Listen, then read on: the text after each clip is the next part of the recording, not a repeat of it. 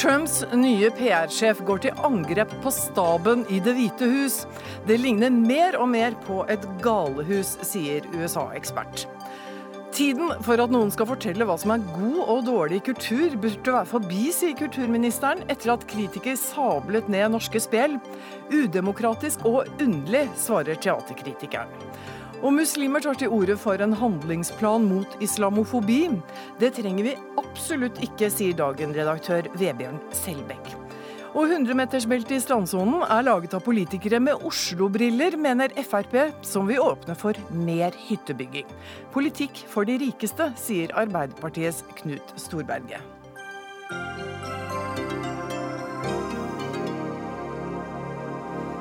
Og med det velkommen til Dagsnytt 18, hvor vi også skal til Venezuela, der opposisjonen hevder at presidenten vil innføre diktatur etter valget på søndag. Jeg heter Lilly Fritzmann. Men først. Til den svært turbulente uka i amerikansk politikk. President Donald Trump led i natt nok et nederlag i sitt forsøk på å avvikle helsereformen Obamacare i Senatet. Og dette var det tredje forsøket denne uka. Tre av republikanernes egne senatorer stemte altså imot. Og Anders Romarheim, du er forsker ved Institutt for forsvarsstudier. Gir republikanerne opp Obamacare nå? Ja, det, det, tviler jeg på. Eh, vi får nå se åssen fortsettelsen blir. Men eh, det er utrolig vanskelig å enes om noe.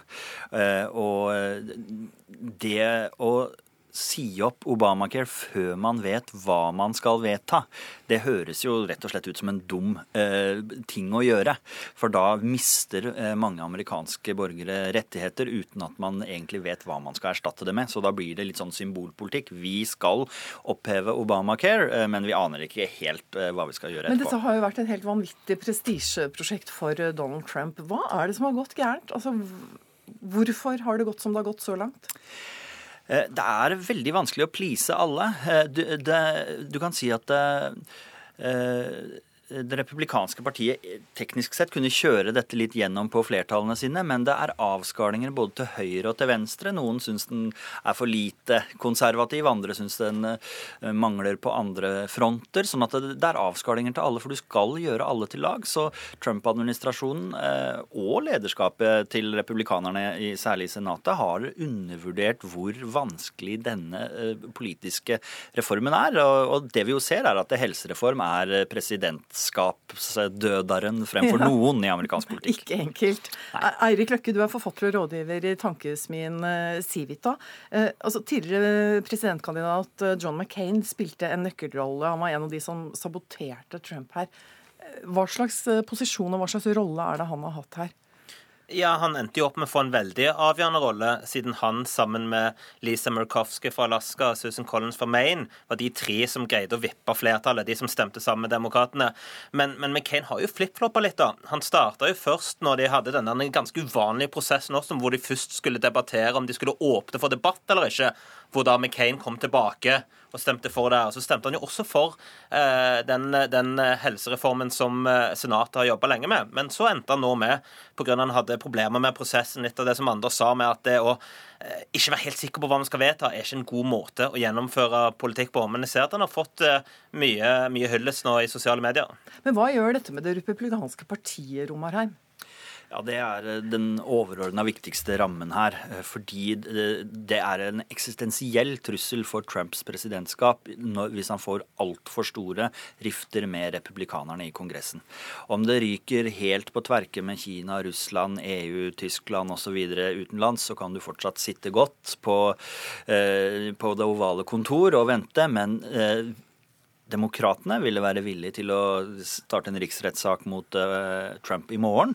Og den dagen eventuelt republikanerne ønsker det, så er det en eksistensiell trussel. Det er, det er sånn Trumps presidentskap kan avsluttes i hovedsak, uh, bortsett fra uh, valget som kommer. Er det en oppfatning du deler, Løkke? Ja, og det som er veldig interessant i denne sammenheng, er jo konflikten med Jeff Sessions, altså justisministeren, hvor da Trump har vært ute på Twitter og skrevet at han er very weak, og at han er skuffa, og på pressekonferansen som han hadde her om dagen, sa at we will see hva som skjer her.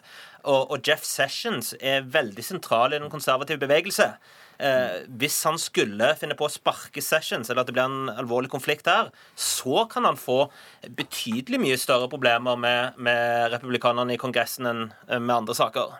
Ja, Hva skal vi tro skjer med Sessions, eh, Romarheim? Altså, det har jo vært et helt vanvittig skue å se hvordan, altså, hvordan han har kritisert så til de grader eh, denne egentlig trofaste støttespilleren mm. uten å sparke han. Ja, det er uh, egentlig uhørt.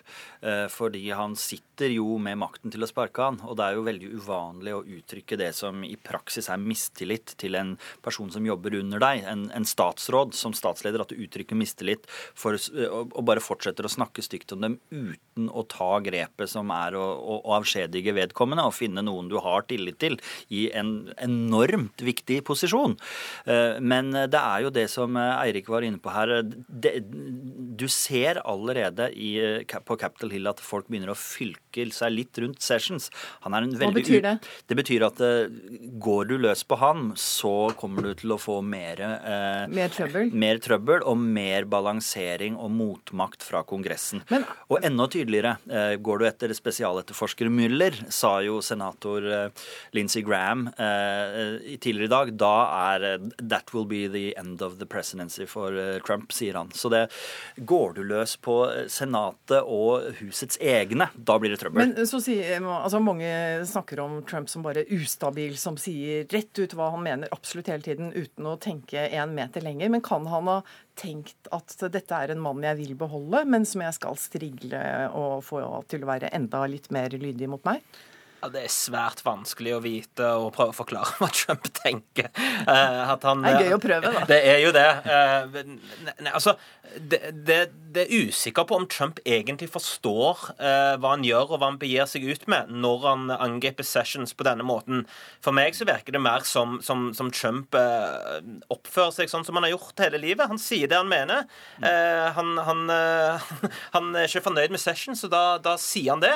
Og så kan konflikt konfliktene og problemene og sånn komme, kom, får han bare ta det som så det kommer. Men så må vi jo da til dagens store snakkis. Fordi ikke før har han kvittet seg med Sean Spicer, som eh, jo har hatt eh, Ja, hva skal vi si?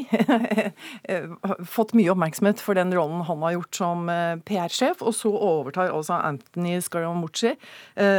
Og så i dag har han da gått til angrep på staben i Det hvite hus selv. Hva, hva er det som har skjedd her? Nei, altså, Spicer han sa jo opp mye pga. han sa at det kommer til å bli konflikter her. Dette gidder jeg ikke å, å, være med på. og det fikk han veldig rett i veldig fort. Og det, og det som Scaramucci har gjort Han har ringt jo en, en, en journalist i The New Yorker, Ryan Lissa, og la ut om hva han syns om det ene og det andre. Uh, og han har tvitra nå at han skal ikke stole på journalister igjen. Men så vidt jeg forstår, så ba han aldri og sa at dette var off the record. Så, så Ryan Lissa i New York hadde all rett til å skrive det som han skrev. Det han sa om stabssjef Reen Priebus, hadde han ikke så mye Eh, mye hyggelige ting å si. Jeg har ikke lyst til å gjenta de ordene som ble brukt her på luften, for det var, det var stygge saker. Det er helt, helt surrealistisk å lese det som Scrummage sier. Mm. Det er helt hinsides. Eh, og jeg mener at eh, en journalist som får høre den typen karakteristikker av en nyansatt om de tyngste og mest maktposisjonene internt i Det hvite hus, ville faktisk kunne forsvare å bryte en off the record-avtale. Dette er vanvittige nyheter. At en sånn person sitter med ansvaret for det, eh, det er, eh, det er over, eh, over alle skoger og heier. Men Hva sier det om det indre liv i Det hvite hus? Komplett kaos. Komplett kaos, stillingskriger, og han har nå lagt seg ut på en vendetta. Tydelig at Trump har bedt han du skal få slutt på lekkasjene, nær sagt uansett kostnadene. Og så har han gått til verks på denne måten med åpen utpressing av en journalist eh, som får et intervju, og han får jo et skup som eh, vil huskes i mange ja. år. For den saken Ryan Litz har produsert det, fra det her, er eh, Altså, det, jeg, jeg sjekka mange ganger om det var satire, for det var så drøyt. Det er i hvert fall ikke kjedelig å følge amerikansk politikk for tiden, Løkke? Nei, det er jo som Washington Post skrev, nå har det blitt et 24 timers reality-show. Mange mente jo at det var det før, men reality-shows det gjør seg best på, på Farmen. Altså, når det dreier seg om Det hvite hus og verdens mektigste person, med så mye konsekvenser for så mange, så hadde det vært en stor fordel om det ikke var fullt så interessant. Tusen takk for at dere kom til Dagsnytt 18 i dag. Eirik Løkke, du er forfatter og rådgiver i Tankesmien Civita, og Anders Romarheim, forsker ved Institutt for forsvarsstudier. Dagsnytt 18 alle hverdager klokka 18.00 på NRK P2 og NRK2. Kulturminister Linda Hofstad Helleland har lagt seg ut med norske teaterkritikere. Onsdag gikk Julie Rangve Amundsen ut og hevdet at det er lav kvalitet på mange norske spel. At de er konservative, selvhøytidelige og dårlig teater, rett og slett. Og det fikk kulturministeren til å reagere. Til NRK sa hun bl.a. dette.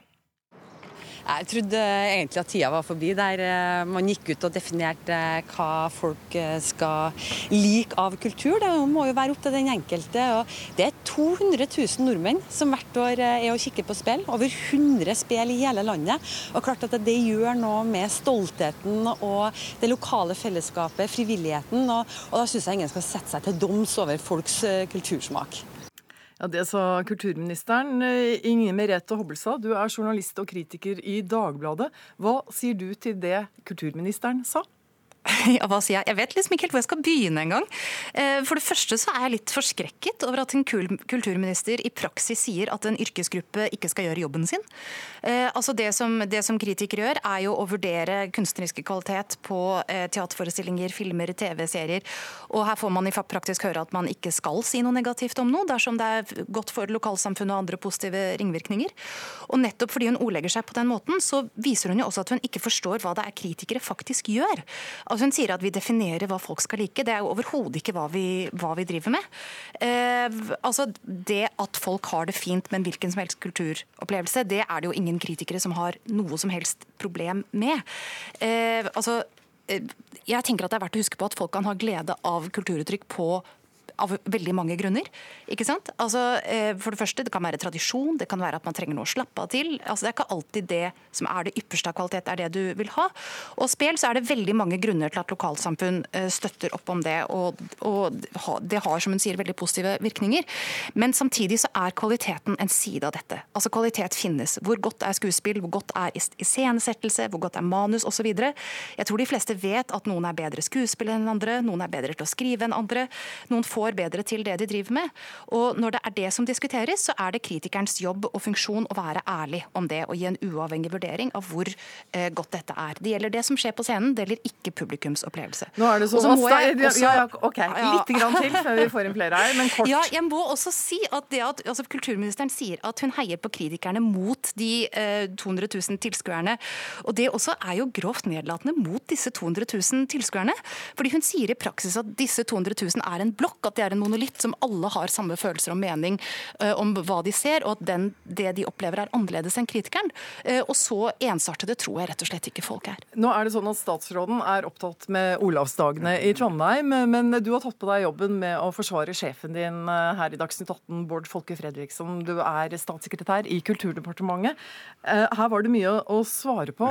Hva, hvordan forklarer du uttalelsene til kulturministeren? For det første er det jo viktig å si at kunstkritikk er viktig. Det er med på å gjøre kunst og kultur eh, bedre. Så det ligger ingen nedvurdering av noen yrkesgruppes innsats. Det kulturministeren eh, har reagert på, er jo at den kritikken som ble fremført mot Norske Spel, er jo gitt som om dette er en oppsetning av 100% profesjonelle skuespillere på Nationaltheatret. Eh, slik er ikke Norske Spel. Det er titusener av frivillige og amatørskuespillere som er med å delta. Og Det eh, Amundsen da gjør seg skyldig i i sin kritikk, er å sammenligne epler og bananer. Ja, faktisk noe enda verre. Sammenligne kvalitetskriteriene for gode epler med kvaliteten på bananer. Og det Julie blir Rogne. Amundsen, det er du som satte i gang dette hele sånn teaterkritikeren som sablet ned norske spill. Nå ble det mye frukt å forholde seg til på en gang. Kan du, øh, men er det et poeng at man her faktisk eh, sammenligner ypperste kvalitet på Nationaltheatret eller hva det skulle være, med et lokalt spill hvor hele bygda er med? Eh, Nei, det syns jeg ikke. Eh, Hvis eh, både kulturministeren og statssekretæren hadde lest den faktiske kritikken min, så er, går jo kritikken på at uh, disse spillene uh, er gammeldagse og anakronistiske. og i det mener jeg også at de tar, ofte tar på seg en form som ligner på gammeldags sceneteater. Eh, det jeg eh, En stivnet form, rett og slett? ja, noe som, som eh, man kanskje kunne ha sett mer av eh, på norske scener i hva skal man si, mellomkrigstiden, eller eh, kanskje etterkrigstiden, da. Men eh, så det jeg mener at gode spill gjør, er jo nettopp å fjerne seg fra det og ta inn over seg eh, stedet og menneskene på det stedet i uttrykket sitt. Men, men jeg, men jeg syns du gjør en eh, Det er ikke helt sånn som det fremstår. Tenk deg om en musikkritiker hadde valgt å kritisere 17. mai-korpsenes eh, fremføring på 17. mai, og deres valg av repertoar, som du nå beskriver som litt gammeldags og stilistisk. Mange som har vært ute og- Eh, Det er jo ikke det noe å sammenligne med hvordan profesjonelle musikere har det eh, gjennomfører sine konserter. Og jeg tror på en måte at det du nå kommer i fare for å gjøre, er faktisk å kritisere de 200 000 som frivillig oppsøker spel. Eh, Norsk kulturliv er mangfoldig, og det bør vi bejuble. Og så trenger vi god kunstkritikk Du, la av oss få inn kunsten som utøves. La, la Hobbelstad få komme inn et lite øyeblikk her. Men er det litt Ja, altså- er det, Jo, men jeg lurer litt på, er det litt sant at når alle kritikere og kulturfolk reagerer så seigt i dag, så er man litt vrangvillig overfor kulturministeren? At hun egentlig ikke eh, var ute etter å ta kritikere og mene at ikke kritikere skal ha sine meninger, men faktisk som Folke Fredriksen sier, at man var ute etter å, å si at hør her, dette er en annen liga. Det kan ikke vurderes på samme måte. Eh, I så fall burde hun jo sagt det, og ikke at tiden burde være forbi for å sette seg til doms over hva som er godt og dårlig, som er det hun faktisk sier. Eh, Men når det er sagt, altså dette med at man ikke kan øh, vurdere amatører på samme nivå som profesjonelle. Jeg var teaterkritiker i mange år, og jeg vet jo at mange av disse spillene er veldig ivrige på å få kritikere i riksdekkende media til å komme og vurdere eh, det de gjør. Så de vil veldig gjerne bli sammenlignet med alt det andre eh, kritikere eh, ser. Så det Er det på en liksom måte ikke alltid vi som tar folkelighet fra kulturministeren? Eh, Ja, altså Jeg håper jo at dette er et litt lite gjennomtenkt populistisk utspill, og at det ikke er det hun faktisk mener, eh, det hun sier her. Og en annen, eh, Til noe annet som ble trukket frem her. altså Det er jo en side av saken at en del av disse spillene formidler norsk historie. Det er flott at de gjør, men det betyr også at de kanskje er formene for hvordan ganske store publikumsgarer oppfatter f.eks. historien om Olav den hellige. Og hvis det er fagfolk som mener at dette er en altfor enkel fremstilling av det, altså en som fremstiller historien feil, som gjør han til en mer positiv skikkelse enn han var, så er det absolutt verdt å komme og korrigere det. Ja, ikke Eh, og- Og for det tredje Nei, så er også ja, Ja, jeg tror vi skal bare la Folke Fredriksen svare på dette. Jeg, vet, jeg tror det er kjempefint ja, at vi både har historikere og andre som eh, ser på vår historie og gjennomgår den en gang til. Men det er jo ikke noe galt i å fortsatt formidle historien om eh, Olav den hellige, kristendommen som kom til Norge, de første eh, emnene til en rettsstat som kom med disse verdiene. Og det er jo 1000 år siden, så man må jo lese det som skjedde den Jo, gangen, men i det den konteksten. minner om her, er jo at det kulturministeren sa, var faktisk at hun eh, trodde tiden var forbi at eh, kritikere skulle fortelle hva som var godt og dårlig. Altså sette seg til doms over hva som var bra og hva som var dårlig. Ja, for- det var det hun sa. Ja, og, og, og, vet du hva? Jeg, jeg tror man skal være Man skal ha god kunstkritikk, men man skal jo være varsom med å sette seg til dommer. Og jeg legger, for jeg har nemlig lest Men er ikke det hele kjernen å være har- kritiker? Jeg har lest dette innlegget, som også Amundsen mener at vi skal lese. Og der skriver du altså etter forestillingen var jubelen stor. Det var åpenbart at spelet hadde truffet publikum. Jeg gremtes. Sitat slutt. Ja, Jeg la, må- la, det er en fin sånn overgang til å få inn eh, med Rogne det? Eh, Amundsen her. Hva mente du med det? Hvis man leser det innlegget, så eh, er noe av det jeg prøver å få frem, eh, nettopp en diskusjon rundt kvalitet. Fordi at jeg var og så en del spill, og veldig mange syntes ikke jeg var gode nok. Men jeg så jo nettopp hvilken posisjon disse spillene hadde i lokalsamfunnene. Og ville nettopp ikke gjøre meg til dommer, men jeg hadde lyst til å diskutere eh, hva kvalitet er, og hvordan vi kan snakke om kvalitet eh, i disse sammenhengene. Eh, og absolutt ikke gjøre meg til dommer over folks smak. Men du skriver jo selv at du tror de er gjort dårlige med vilje. Hva mener du egentlig med det?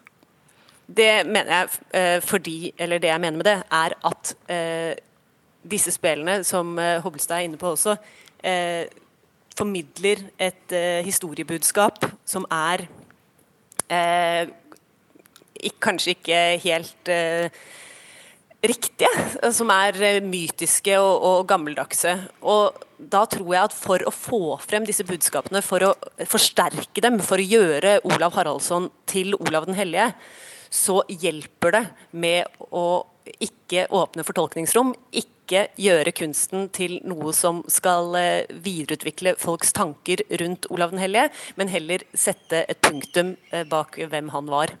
Men jeg tror ærlig talt at vi ikke har vondt av å formidle spelet på slaget på Stiklestad eller Mostratinget i 1024. Jeg tror vi faktisk trenger dette, og så må vi gjerne få mye annet i tillegg. Det er ikke sånn at alt dette er dårlig bare fordi vi også trenger noe nytt. Vi kan godt ta, fortsatt ha spel, frivillighet og amatørkunst over hele landet. Og jeg tror faktisk det er med å styrke, øke entusiasmen og kanskje til og med bidra rekrutteringen ja. til men, kunst og kultur. Hobbelstad kom inn fra, Hobbelstad er med oss fra Sørlandet. Ja du kan få komme inn på dette. ja, men altså det at spel virker svært positivt til lokalsamfunnet er en flott opplevelse, det er det jo ingen som har benektet her på noe eh, tidspunkt. Men det vi også må huske, tenker jeg, det er at det er i dag massiv konkurranse om folks tid og penger. Altså hva de skal bruke tiden på når de skal ta inn et kulturprodukt. Og det at det er kritikere der som er uavhengige stemmer som vurderer dette, er så viktig. Altså Hvis ikke vi er der, så er det bare reklame igjen. Men er det ikke også sånn eh, eh, Inger Merete Hobbelstad, at eh, kritikerne ofte er mer feinschmeckere som liker ting som folk flest syns er gørr kjedelig og altfor sært? Eh, altså det, det, er verken altså Hva skal jeg si? Det, nei, egentlig ikke. For Det jeg også lurer på hva da Folke eh, stiller seg til, det er jo det at det er veldig mange norske kulturprodukter som er svært populære, og som også får veldig god kritikk. Jo Nesbøs romaner får nesten alltid god kritikk. 'Kongens nei' var en av de mest sette filmene på norsk kino i fjor. Den fikk femmere over hele linja. Så det er mange steder hvor eh, folks vurdering og kritikerens terning eh, er, eller vurdering er ganske sammenfallende. Eh, og så er det eh, verk hvor de divergerer reagerer sterkt. Altså Hvis du ser på f.eks. en film som 'Fifty Shades of Grey', trakk masse publikum på kino. Eh, fikk vel ikke sånn kjempemange tomler opp av kritikerne, fordi det er en annen type opplevelse. ikke sant? Folk går for Det for å, det er kanskje ikke for å få den store kunstopplevelsen når folk går for å se 'Fifty Shades of Grey'. Så det er kretsløp som virker litt uavhengig av hverandre, og det er ikke så unaturlig at fagfolk og publikum har litt forskjellige uh, vurderinger av et produkt. Julie Rongve Amundsen, du er, er også tillitsvalgt for norske kritikere. Hvordan har reaksjonene vært blant uh, dine medlemmer i dag? Eh, nei, man ser jo eh, generelt sett at eh, kritikere er ganske overrasket over kulturministerens utsagn. Og det er jo da også kommet et innlegg fra lederen i Kritikerlaget i dag, hvor hun tar til orde for viktigheten av kunstkritikk, og for at vi løfter opp og diskuterer den kunsten som fins.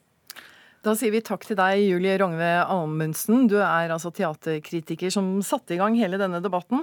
Takk også til Inger Merete Hobbelstad, journalist og kritiker i Dagbladet, og til Bård Folke Fredriksen, statssekretær i Kulturdepartementet for Høyre.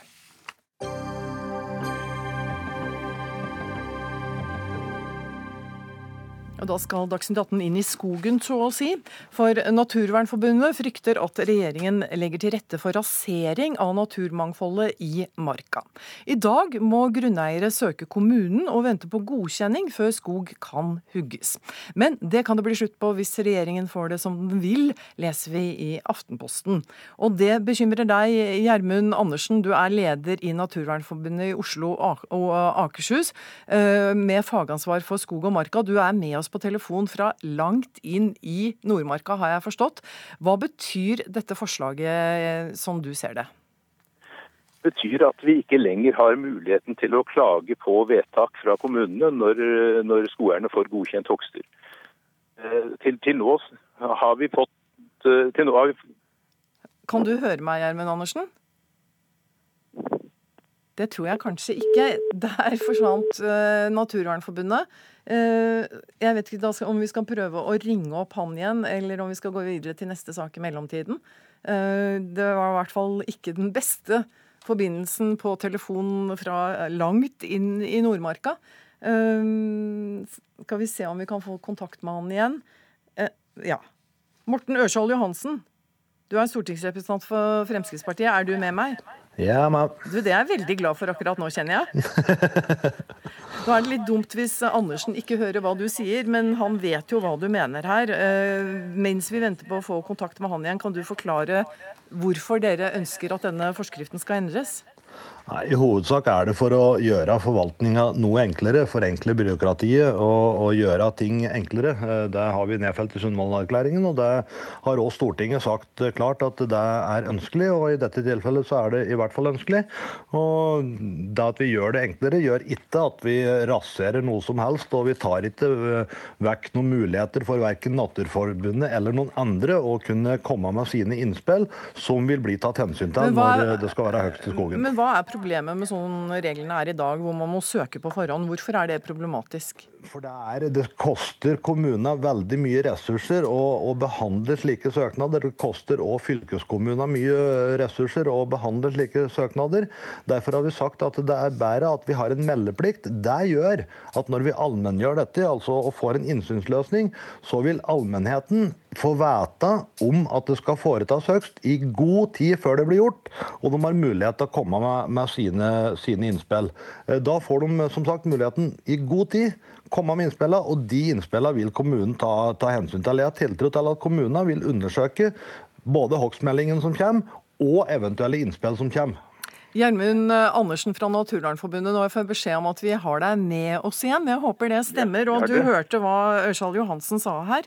Det er Det gjorde jeg ikke, dessverre, men eh, jeg hørte det siste. Og det kan jeg jo bare etter 25 års arbeid med disse hogstmeldingene si at det har vi ingen tillit til, at kommunene vil behandle dette på en riktig måte.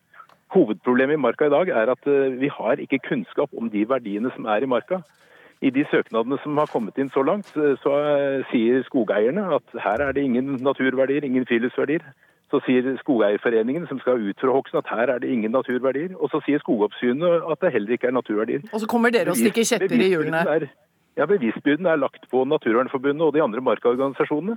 Og vi har såpass mye kunnskap om marka og såpass mye kunnskap om biologi at vi ser at her er det store naturverdier som ikke blir tatt hensyn til.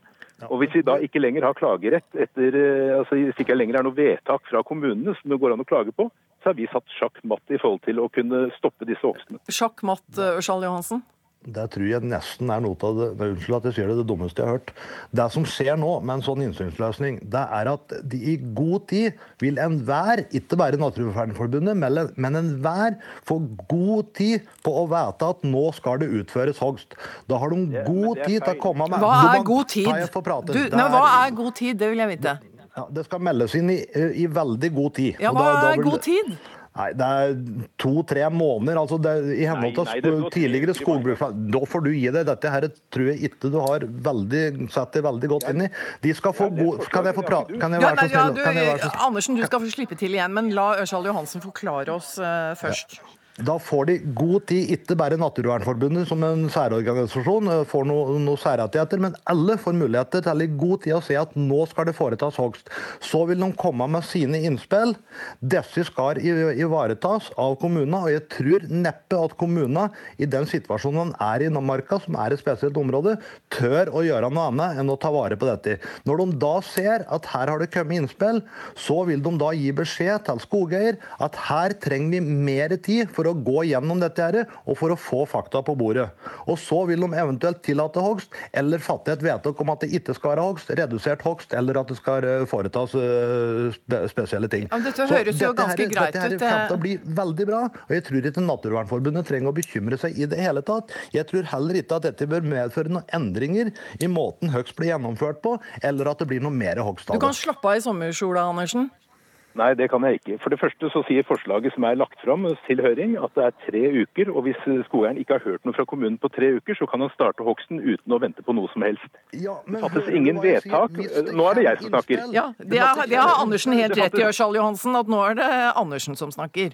Eh, Og det fattes ingen vedtak, dvs. Si at det ikke er noe eh, vi kan klage på. Eh, Svenskene har, ingen, har en tilsvarende meldeplikt. og Det betyr at de svenske organisasjonene ikke har noen mulighet til å klage på noe vedtak. Det fins ikke noe vedtak å klage på, og da er det heller ikke mulighet til å komme inn på noe formelt vis.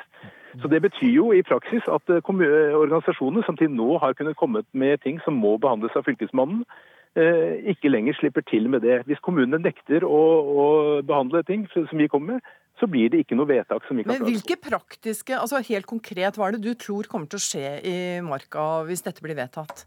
Det som kommer til å skje er at veldig mange av de mest verdifulle områdene kommer til å bli hogd. Altså Områder som er mindre enn ti mål, behøver man ikke engang å melde inn til kommunene. Og I mange av disse tilfellene som vi har klaget på, det er mange hundre klager vi har levert inn de siste 25 årene, så er det biologiske verdier. Det er arter som er truet, som er i disse områdene, og som krever et eh, rom rundt seg å, som ikke blir forstyrret av hogst.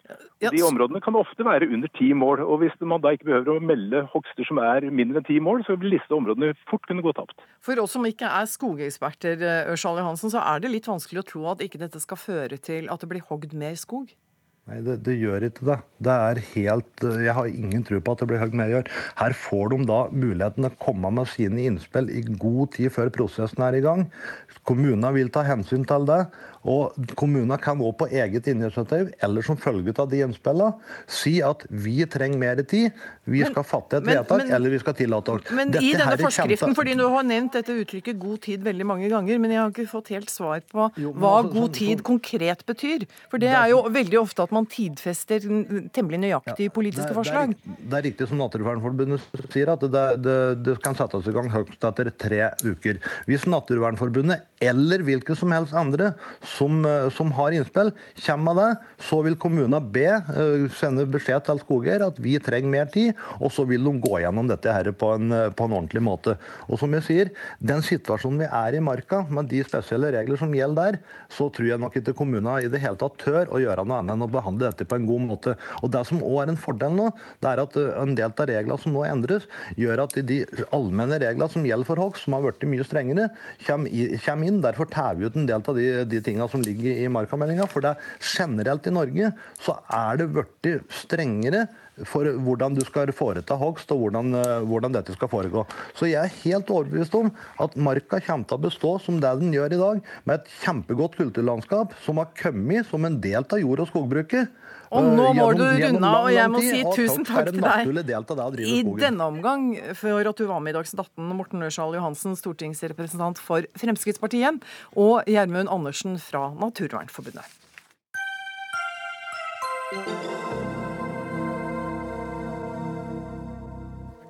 Hatkriminalitet mot muslimer har økt voldsomt, og det har gått utover muslimers psykiske helse.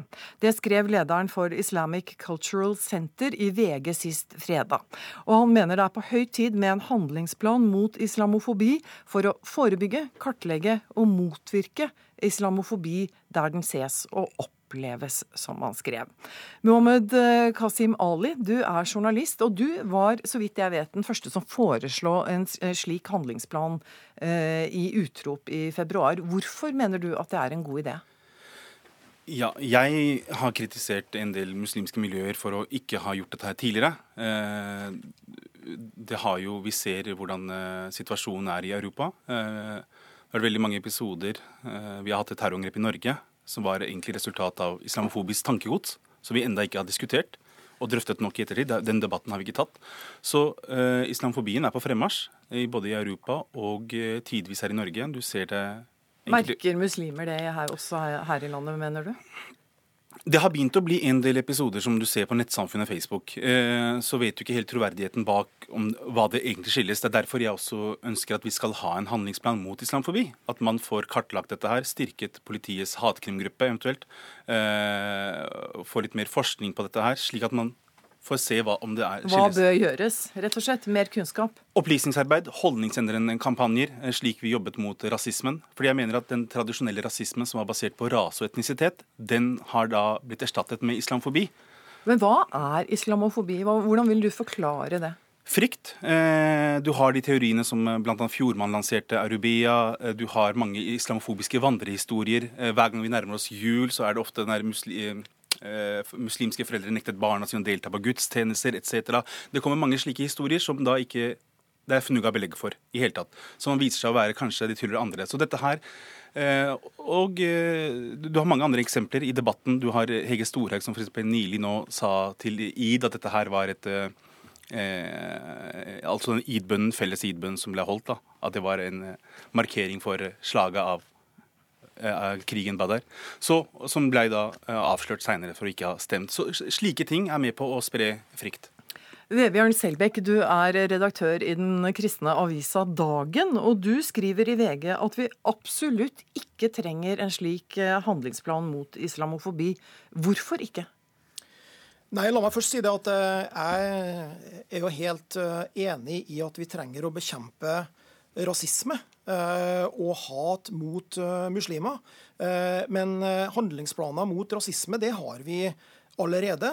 Vi har en egen hatkrimgruppe hos politiet. Man må gjerne styrke det arbeidet. Så Det er jeg for så vidt ikke uenig i. Men det jeg reagerer veldig sterkt på, og som jeg også har skrevet en kronikk i VG om, det er jo bruken av begrepet islamofobi. Språklig konstruksjon, religiøs herskerteknikk, kaller du det? Ja, og flere andre lignende eh, ting også. Jeg, jeg mener at eh, ordet islamofobi og bruken av det, det er en slags sykeliggjøring av mennesker som er kritisk til islam. Man fremstiller det som en irrasjonell frykt. Men jeg mener det er jo ikke noe irrasjonelt i å være bekymra over den terroren, den volden, den kvinneundertrykkelsen, det homohatet som vi ser eh, utøves i islams eh, navn. Og jeg mener at det er Et hovedproblem med dette begrepet, det er det aller mest alvorlige, er at du blander sammen kritikk og avsky mot en religion, med hat mot eh, eh dens religionsutøvere. Og Det mener jeg er veldig veldig negativt. For man behøver ikke å være motstander av muslimer. Man hater ikke muslimer, selv om man er kritisk til islam, og selv om man eh, også skulle, som noen gjør, avskyr eh, islam. Man kan ikke ha en fobi mot religioner eller ideologier. Det mener jeg. Fobier eh, sykeliggjør helt eh, legitim eh, islamkritikk? Islamkritikk er noe muslimer er veldig åpne for. Det tror jeg de faktisk utfordrer samfunnet til å ta en om det skulle være teologisk debatt, hva enn det måtte være. Så det tror jeg de som engasjerer seg i den debatten, faktisk ikke har noe problem med å akseptere. Og det gjør de allerede. Eh, og når han snakker om fobi, så finnes det fobier mot veldig mye, og det er godt etablerte uttrykk. Eh, når det kommer til antisemittisme, så er det også bare motstand for bruken av antisemittisme. Så det vil alltid være motstand av begreper. Det kan, det kan vi godt leve med, at det kan være, men vi kan ikke se bort fra at selv etter 22. så var det i PST-sjefen Janne Christiansen sa i rapporten sin i 22. juni-konvensjonsrapporten at hun fryktet lynsjestemning om det var en innvandrer eller muslim som hadde stått bak dette her. Dette er en så alvorlig, dette her er muslimer som følger med i debatten, diskutert internt. Og når, ja. når, en person som sitter på med den informasjonen, uttrykker den bekymringa at hun fryktet lynsjestemning, så vil det si at vi kan diskutere dag ut dagen om begrepet er riktig, men at noe må gjøres, og noe må gjøres raskt, ja, det er, er ikke, ikke det et eksempel Selbekk, på at det er både skepsis og frykt mot uh, muslimer der ute i samfunnet som faktisk i enkelte miljøer er så sterke at det er helt på sin plass å kalle det islamofobi? Nei, Det syns jeg absolutt ikke. og Jeg syns også at Ali her nå eh, skjønnmaler situasjonen når han sier at eh, muslimer eh, generelt er veldig positivt til at islam debatteres og kritiseres. Det er noen av oss som har merka det på kroppen, at det kanskje ikke er langt fra alle som syns det er så, så, veldig greit. Og bruken av islamofobi gjør islamdebatten enda trangere og enda vanskeligere. For ikke bare møter man trusler av og til som, som enkelte gjør, men man får også et slags sånn her eh, litt sånn her sykelighetsstempel. altså eh, En fobi, da er det jo noen ting som er litt, litt gære med det. Det er noe som, som, ikke er helt i orden, siden man har denne leie fobien mot uh, islam. Så det er med på å gjøre debattrommet veldig veldig mye trangere. og Derfor så vil jeg oppfordre uh, norske muslimer til å slutte å bruke Eh, det ordet det tror jeg også vil være det beste for dem. Vi skal få inn Lars Gule, du er ekstremismeforsker ved høyskolene i Oslo og Akershus. Eh, hvilke tanker gjør du da? Er islamofobi et brukbart eh, ord? Ja, og det har vunnet innpass i faglige sammenhenger, så det må sies. Og i stadig større grad bli et etablert også faglig uttrykk. Men alle begreper kan inflateres, altså man kan bruke dem for vidt, man kan misbruke dem. Det har Selbekk helt eh, rett i. Men å avskrive begrepet eh, som uberettiget, eh, det er urimelig. Det er bedre da å forsøke å få til en mer presis bruk av uttrykket. Og hvordan gjør man det? Ja, Da må man ha en rimelig klar definisjon. Man må lete etter de kriteriene som passer. For noe av problemet her er at de som fornekter islamofobibegrepet, de fornekter også fenomenet islamofobi. Og det er et fenomen, eh, slik Kasim Ali har pekt på, eh, særlig i norsk sammenheng representert ved Anders Behring Breiviks eh, terror og begrunnelse for denne terroren, som nettopp kan kalles islamofobisk. Ja, Selbekk, er det ikke helt rimelig at man kan snakke om eh, islamkritikk, og så kan man også snakke om islamofobi, en mer ytterliggående gruppe som kanskje ikke favner så mange? Men disse, disse tingene blandes jo sammen, og det er jo hovedproblemet her. Og så vil jeg også peke på Men så kan man slutte med det, da. Ja, men det, altså hvis, du, hvis, du, hvis du har den språklige konstruksjonen som islamofobi er, altså fobi mot islam, så tror jeg det er vanskelig å, å, å klare å bruke det på en riktig måte. Men jeg vil også si det at, påpeke det faktum at islam er jo den eneste religionen som holder seg med denne typen sykeliggjøring av dens motstandere. Det finner du jo ikke om andre religioner. Altså, eh, Lars Gule har jo, vært, eh, har jo vært generalsekretær i Human-Etisk Forbund, et, eh, en organisasjon som driver med sterk eh, religionskritikk mot den kristne tro. Hedningesamfunnet driver med enda sterkere eh, kritikk. Arnulf Øverland ble aldri eh, beskyldt for å være kristofob eh, fordi han var kritisk til kristendommen, selv ikke islamsk stat, som brenner, eh, korsfester og halshugger kristne, eh, blir beskyldt for å ha noen slags fobi mot den troa eller mot, den, eh, mot, kristen tros, mot kristne trosutøvere. Det er det bare islam som har. og Derfor så, derfor så blir dette her en religiøs eh, hersketeknikk. Ja, Hva sier du til det, Lars Gule? Nei, det er ikke riktig. Eh, Dette handler om hvordan ord konstrueres, og hvordan ord så å si smaker i munnen. Kristofobi eh, smaker ikke godt. Judeofobi finnes, og det er nettopp en av f.eks. Anders Behring Breiviks forbilder, Batya Aar, som har konstruert det ordet. Det har ikke slått an. Men vi skjønner hva du mener, Skjelbæk, hvis du sier kristofobi. Vi skjønner det godt. Men når du ikke bruker det, så er det fordi at det ikke klinger. Men, Mens men ja. eh, islamofobi er faktisk et uttrykk som klinger, og som samtidig representerer noe sakssvarende. Men hvis, du det har en bedre term, så takker jeg gjerne for å få en bedre term. Men hvis vi forlater litt selve ordbruken. Eh, Lars Gule, hvordan stiller du deg til en handlingsplan? Uansett om man da skal kalle det mot islamofobi, eller hva man skal kalle det. Men eh, du, mener du det er en god idé? Ja. Og det er fordi at eh, det er eh, litt unyansert og kan bli fort problematisk å samle alle former for diskriminering, negative, hatefulle holdninger i én handlingsplan. Eh, Derfor har vi også i tillegg til generelle handlingsplaner mot rasisme, så har vi handlingsplaner en handlingsplan mot antisemittisme, og det er behov for en handlingsplan mot islamofobi. Og det er behov for handlingsplaner mot andre former for hat, diskriminerende holdning. Også overfor, eh, overfor homofile, f.eks., hvor vi kjenner uttrykket eh, homofobi veldig godt. Ja, Selbekk, er du med på en handlingsplan hvis man finner et litt annet ord, eller er pres mer presis med definisjonen? Ja da, altså eh, Vi må gjøre alt vi kan for å motvirke rasisme. Mennesker skal ikke behøve å oppleve å bli trakassert eller bli utøvd vold mot pga. Eh, verken sin trosbekjennelse eller eh, sin seksuelle eh, legning eh, eller sin etnisitet. Det er en selvfølge. Men jeg mener at vi har eh, Eh, Vi har gode handlingsplaner. Vi har, har i flere tiår hatt handlingsplaner mot, eh, mot rasisme, som er et vidt begrep. Og dette må gjerne styrkes. Men eh, islamofobi, la oss i hvert fall slutte å bruke det uttrykket.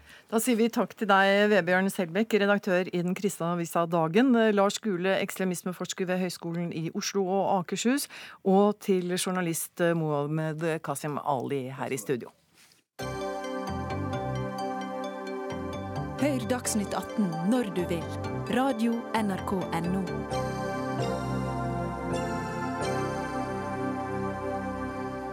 I Venezuela kan det bli en voldsom helg. Opposisjonen mener at presidenten vil innføre diktatur etter søndagens valg, og oppfordrer folk til å fortsette å demonstrere fram til valget, selv om president Nicolas Maduro har innført demonstrasjonsforbud.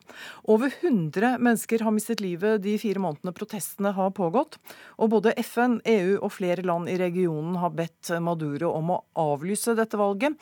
Og USA har bedt sine diplomater nå i dag om å forlate Venezuela, og de advarer også amerikanere mot å reise til landet. Benedicte Bull, du er professor i statsvitenskap ved Senter for utvikling og miljø ved Universitetet i Oslo. Hva er det som står på spill for Venezuela? Ja, Det er mye som står på spill. Det konkrete man skal stemme over, er om man skal nedsette en grunnlovsgivende forsamling. Kandidatene til denne forsamlingen de er allerede valgt ut i en prosess som har vært mye kritisert. Så man kan på en måte stemme ja eller nei. Og så har det vært store diskusjoner om det, være, om det kommer til å bli mulig å avlegge en ugyldig stemme. Ehm, men det er mye som står på spill her, fordi Maduro har lansert dette som løsningen ut av krisen som landet har vært i lenge, egentlig. Mens opposisjonen eh, mener at dette er noe han gjør for å eh, unngå å måtte forholde seg til eh, nasjonalforsamlingen, som er dominert av opposisjonen og for å kunne suspendere valg. Det skulle vært regionalvalg i fjor, de er ennå ikke avholdt, og det skal være presidentvalg til neste år. Vi har hørt at, ja. Mm. Så han er redd for at Unnskyld. Nei, kom igjen, du. Så han er redd for at eh, man skal kunne gjennomføre en konstitusjon som, er, eh, som fullstendig tilsidesetter demokratiet. Men er det riktig? Altså, jeg ser noen sier at det man vil få, er en kommunisme à la Cuba. Man sier diktatur. Er du enig i at det er det som kan ende, det det kan ende opp med her? Altså, det vet man jo ikke. Det er det altfor tidlig å konkludere med. Det, hva eh, Maduro er interessert i, eh, ved, altså hva slags type eh, konstitusjon han er interessert i, vet vi heller ikke. Og det er jo en prosess som man skal igjennom. Denne eh, grunnlovsgivende forsamlingen vil jo være ganske ensidig eh, på, altså, chavi, på chavismens side, men der er det jo også veldig mange forskjellige meninger. Så det er jo litt for tidlig å konkludere med at man er i ferd med å lage et nytt Cuba av Venezuela. Men eh, sånn sett utenfra, for oss som ikke er eksperter, så virker Venezuela ekstremt polarisert. Altså Kan du si noe om hvem er det som støtter presidenten, og hvem er det som støtter opposisjonen her? Ja, Det er et ekstremt polarisert land, og det har det egentlig vært helt siden Hugo Chávez kom til makten eh, i 1998. Eh, og Da var han på en måte en representant for eh, de såkalte populære klassene snakker man om i Latin-Amerika, altså fattige folk som aldri hadde vært representert i politikk før. Han fikk elitene mot seg veldig raskt, som eh, så i han en eh, autoritær figur, og at de ville miste mange av sine eh, privilegier. Og så er det en lang historie her om hvordan dette har utviklet seg. Men opposisjonen mot Chávez den, den, er egentlig veldig sammensatt. Veldig ulike politiske partier. Men eh, middelklassen og oppover har jo vært dominerende i, i hvert fall i de representantene for opposisjonen. og Derfor så har det på en måte landet vært delt i to. Nå de siste årene med den veldig dramatiske økonomiske krisen, så har jo chavismen og Maduro sin regjering mistet veldig mye av støtten også blant de fattigere. Men den har ikke helt opposisjonen klart å eh, gjøre seg nytte av politisk, fordi at det er fremdeles, de er fremdeles sett på litt som da de, eh, de på en måte de, de gamle elitene. Men altså, nå er det jo en voldsom opposisjon eh, også blant vanlige folk, etter at levekårene deres har blitt dramatisk forverret. jeg eh, så forverret. En eh, artikkel i The Economist i dag hvor det står at 93, 93 av befolkningen sier at de ikke har råd til nok mat. Og du har skrevet at spedbarnsdødeligheten har økt 30% på et år. Altså, hva, hva sier det om hva slags krise dette landet er i? Det er en dramatisk krise, eh, økonomisk krise. Det har vært på en måte et sånn fall i levekår som kanskje ikke vi har sett eh, noe annet sted. Jeg kan ikke huske det i Latin-Amerika. Kanskje vi kan sammenligne det med krisa i Argentina i 2001, men dette er nok enda mer dramatisk. Og det kommer av en feilslått økonomisk politikk i veldig stor grad, som har eh, skapt varemangel pga. valutakontroller, manglende innenlandsproduksjon. Man har satset altfor mye på oljen, og så har da oljeinntektene stupt. Og så sitter man der uten kapasitet til å, å fylle innenlandsk eh, etterspørsel etter varer. Og så er det da dette omstridte valget etter en helg som kan bli ganske dramatisk. Ser du noe politisk løsning for Venezuela? Ja, altså det er jo eh, Man kan aldri, eh, man kan aldri på en måte slutte å være optimistisk. Og det er jo nå tegn etter at det har vært helt fastlåst i flere uker, så inviterte nå Maduro til opposisjonen på ny til en dialog. Det har vært eh, dialogforsøk tidligere. Eh, den dialogen har blitt sett på fra opposisjonens side som en måte å hale ut tiden. Nå er Maduro under mye press, og eh, José Luis Zapatero, den tidligere spanske statsministeren, har vært i i Venezuela for å megle. Han var på vei ut av landet og snudde. og Det betyr vel at det er et visst håp i denne dialogen mellom myndighetene og opposisjonen. Og Det er jo mange som nå har tatt, det er mye press internasjonalt og sanksjonstrusler og det ene med det andre, men også mange som har tatt orde for at nå må elitene på begge sider eh, ta til vett før dette eskalerer til noe man ikke har noen kontroll over. Og Det ser jo ut som det er i hvert fall en liten sjanse for at det er det som er i ferd med å skje. Og Uansett uh, hvor vanskelig det er, så syns jeg det er fint å avslutte med at du sier at det er et uh, håp der. Benedicte Bull, professor i statsvitenskap ved Universitetet i Oslo, takk for at du var med i Dagsnytt 18.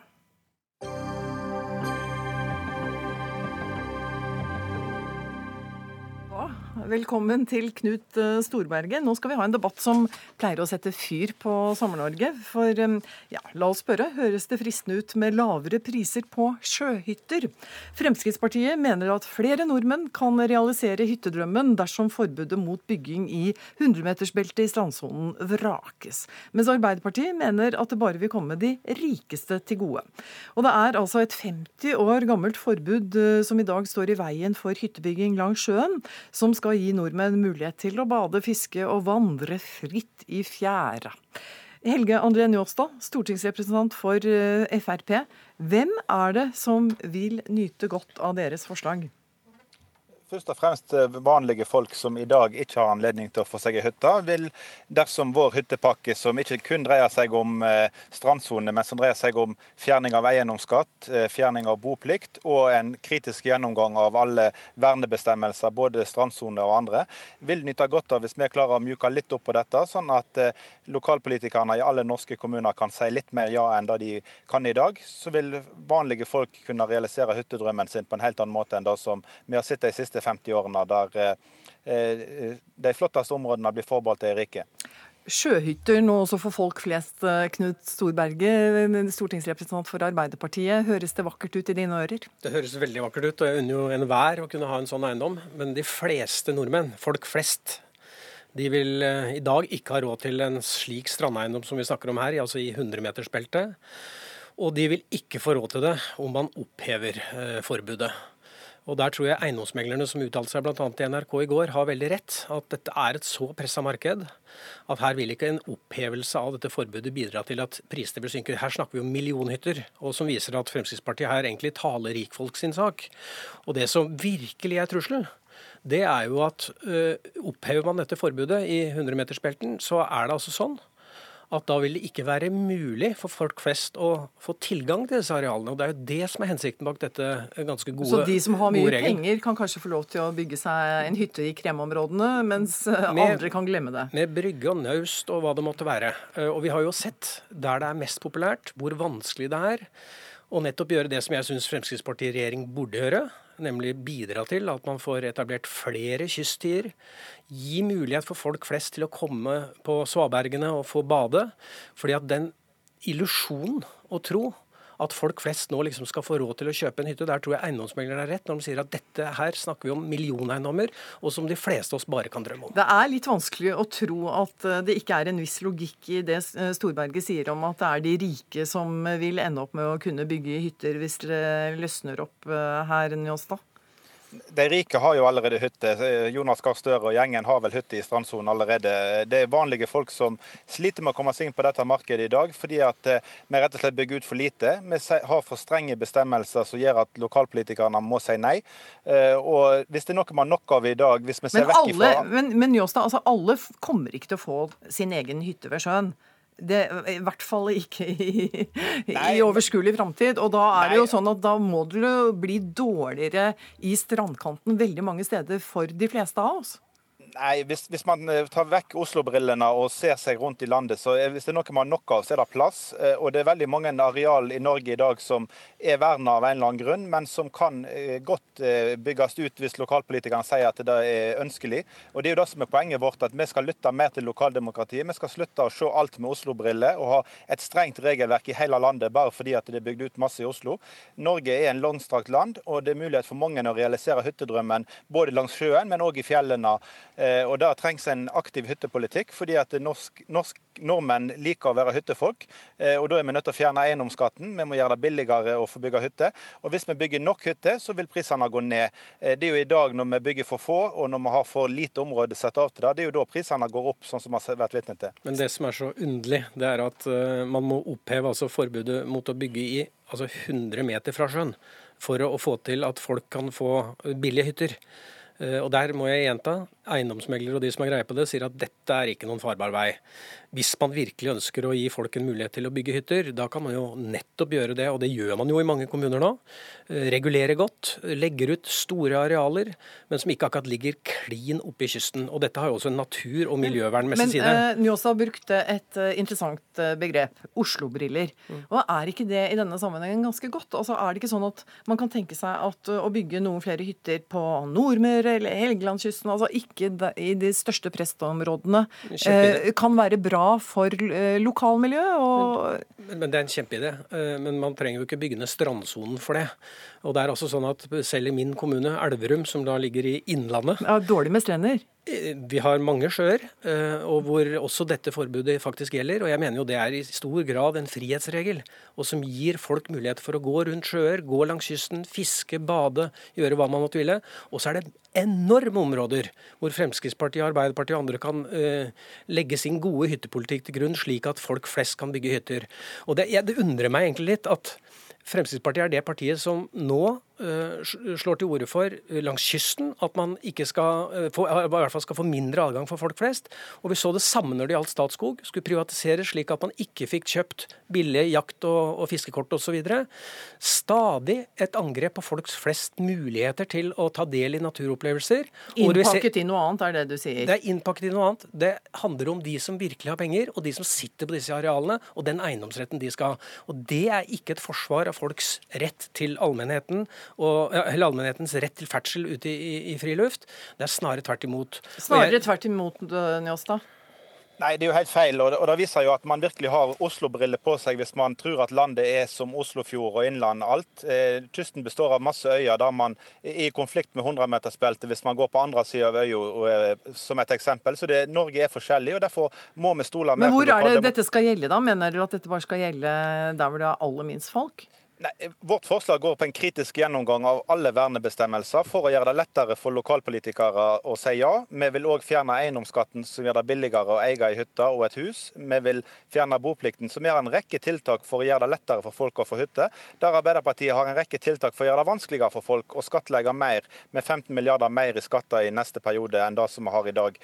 Eh, Så her er det jo et stort skille. Hvis man ønsker mer ja-politikk og mer eh, frihet for innbyggerne, så stemmer man på oss. Og hvis man ønsker mer regulering, mer eh, streng politikk, så stemmer man Arbeiderpartiet til høsten. Ja, Storberget, men altså, Dette det, det har jo fått kritikk for at dere er uh, urimelig firkanta her Jo, også. ikke men- sant? At man ikke bruker uh, huet, for å si det sånn, Jo, og, det og nett- skjønn. Det er nettopp det man har gjort. og når jeg satt i den rød-grønne regjeringen, så bidro vi til at bl.a. dispensasjonsadgangen for disse bestemmelsene skulle være lettere i områder av landet hvor det ikke var mange hytter. Det er fornuftig. Men det å fjerne dette totalt, det er kun et vern for rikfolk flest. Og det er jo litt, litt sånn underlig at eh, Fremskrittspartiet til stadighet er de som angriper folks mulighet til å, å ta del i naturopplevelser. Sist ved, når man skulle privatisere Statskog, som de heldigvis ikke nådde gjennom med.